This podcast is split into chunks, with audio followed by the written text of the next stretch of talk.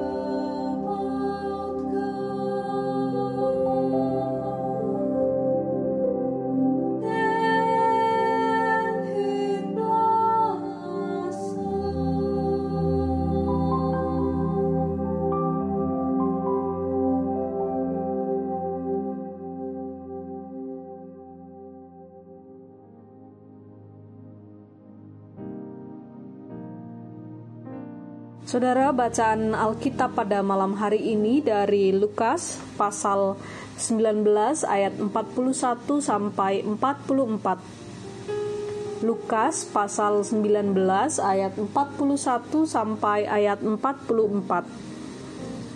Saya bacakan untuk saudara semua. Dan ketika Yesus telah dekat dan melihat kota itu, ia menangisinya.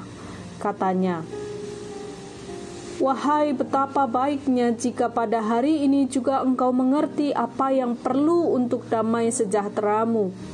Tetapi sekarang hal itu tersembunyi bagi matamu. Sebab akan datang harinya bahwa musuhmu akan mengelilingi engkau dengan kubu, lalu mengepung engkau dan menghimpit engkau dari segala jurusan dan mereka akan membinasakan engkau beserta dengan pendudukmu dan pada tembokmu mereka tidak akan membiarkan satu batu pun tinggal terletak di atas batu yang lain karena engkau tidak mengetahui saat bila mana Allah melawat engkau Demikianlah sabda Tuhan untuk kita semua. Saudara-saudara, ada berbagai macam alasan mengapa orang menangis. Ada orang yang menangis karena bahagia, ada pula orang menangis karena sedih. Ada yang menangis karena prihatin atas keadaan yang terjadi. Ketika berhasil lulus dengan penuh perjuangan misalnya, orang bisa menangis tetapi menangis terharu dan gembira. Ketika ada saudara yang meninggal dunia, pada umumnya orang menangis, menangis sedih karena merasa kehilangan atau karena belum bisa membahagiakan Dia yang dipanggil Tuhan. Namun, ada juga orang yang menangis karena memprihatinkan keadaan hidup bersama, keadaan hidup sekitarnya. Inilah yang dirasakan Tuhan Yesus dalam bacaan Injil hari ini. Dia memprihatinkan keadaan hidup orang-orang Yerusalem. Mengapa kok Yesus prihatin? Karena orang-orang di Yerusalem hidup mereka tidak rukun, tidak peduli satu dengan yang lain, dan jauh dari rasa damai sejahtera. Injil Lukas juga menceritakan bahwa Yesus menangisi kota Yerusalem karena penduduknya tidak tahu bahwa Allah melawat mereka. Allah menjenguk mereka. Itu tidak disadari oleh penduduk Yerusalem. Yesus meneteskan air matanya bukan hanya karena kedegilan orang Yahudi dan para pemimpinnya, tetapi Yesus meneteskan air mata juga untuk setiap orang yang menolak Dia. Saudaraku, Perikop ini kemudian menjadi refleksi bagi kita sebagai pengikut Kristus pada zaman ini. Sebagai pengikut Kristus, kita ditantang untuk mau mengurangi air mata Tuhan Yesus. Dosa-dosa yang kita lakukan tentu akan menambah air mata Tuhan. Kedegilan kita membuat Tuhan menangis tindakan perang, cekcok, korupsi, melecehkan orang lain, cuek dengan keadaan sesama di sekitar kita, tidak mau berdamai atau tidak mau mengampuni orang lain, dan aneka tindakan yang senada yang seperti itu tentu akan menambah derasnya air mata Tuhan. Pertanyaannya, akankah kita terus mendukakan hati Tuhan? Jika tidak, apa yang bisa kita lakukan? Amin. Saudara, marilah kita berdoa. Kita awali dengan doa Bapa kami.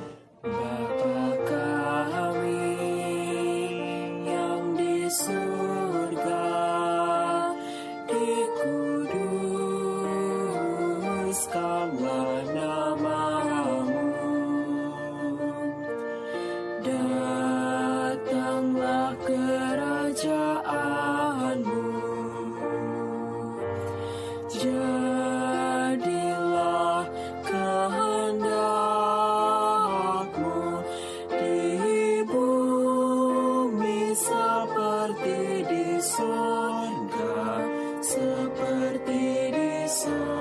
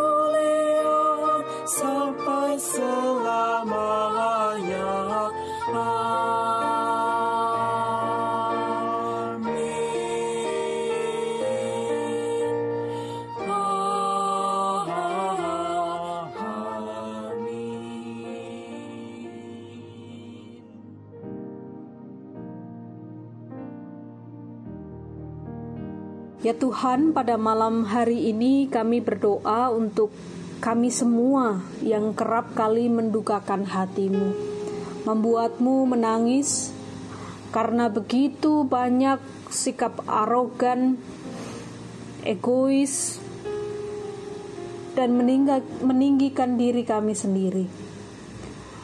Ampuni kami karena kami sering menaikkan pengakuan dosa kami secara tidak jelas kami sering tidak mampu melihat dosa-dosa kami dengan jelas. Ampuni kami ya Tuhan. Kami mengasihani diri kami yang penuh kerapuhan dan berkali-kali gagal memperbaiki diri. Kiranya Engkau berkenan memberi kesempatan kepada kami untuk terus berbenah diri.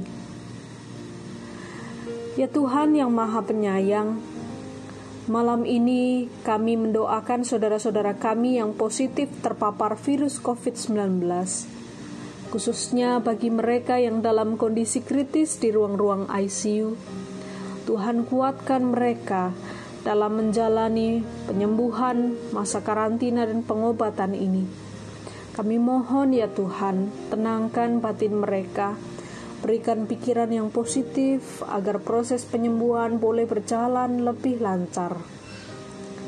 Tuhan, malam ini kami mendoakan juga anak-anak kami yang menjalani proses pembelajaran secara online akibat pandemi ini. Berikan mereka ketekunan, kesabaran dalam mereka belajar menggunakan metode online ini. Kami juga berdoa untuk anak-anak yang tidak bisa ikut belajar online oleh karena keterbatasan sarana dan prasarana yang mereka miliki. Berkatilah para orang tua yang saat ini mesti beralih profesi menjadi guru bagi anak-anak mereka di rumah. Ya Tuhan, apabila malam ini kami akan segera beristirahat, kami mohon perlindungan dari Tuhan. Jauhkanlah kami daripada kami kuasa jahat yang hendak mengganggu malam kami Berikanlah kepada kami waktu yang cukup untuk merebahkan diri di tempat peristirahatan. Izinkan kami esok bangun dengan kondisi yang sehat, tenang, dan sukacita, siap melakukan kebaikan dan berkarya. Inilah doa kami ya Tuhan, dalam pengasihan-Mu kami memohon.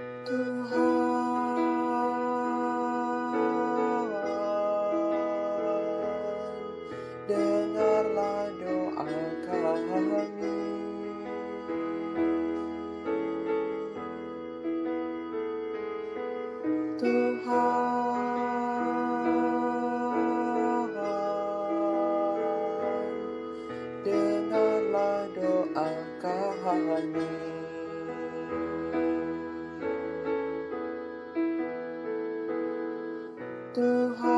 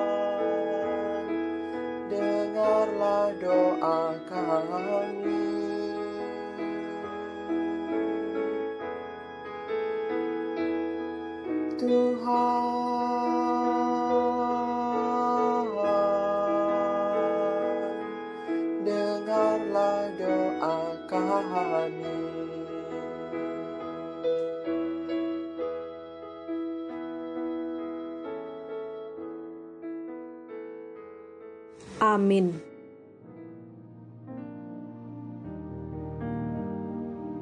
Saudara-saudaraku semua, demikianlah doa malam kita pada hari Sabtu malam hari ini. Semoga saudara semua boleh terus saling mendoakan satu dengan yang lain dan pada malam hari ini saudara bisa beristirahat dengan tenang dan esok pagi siap menyambut berkat Tuhan. Selamat beristirahat, Tuhan menyertai.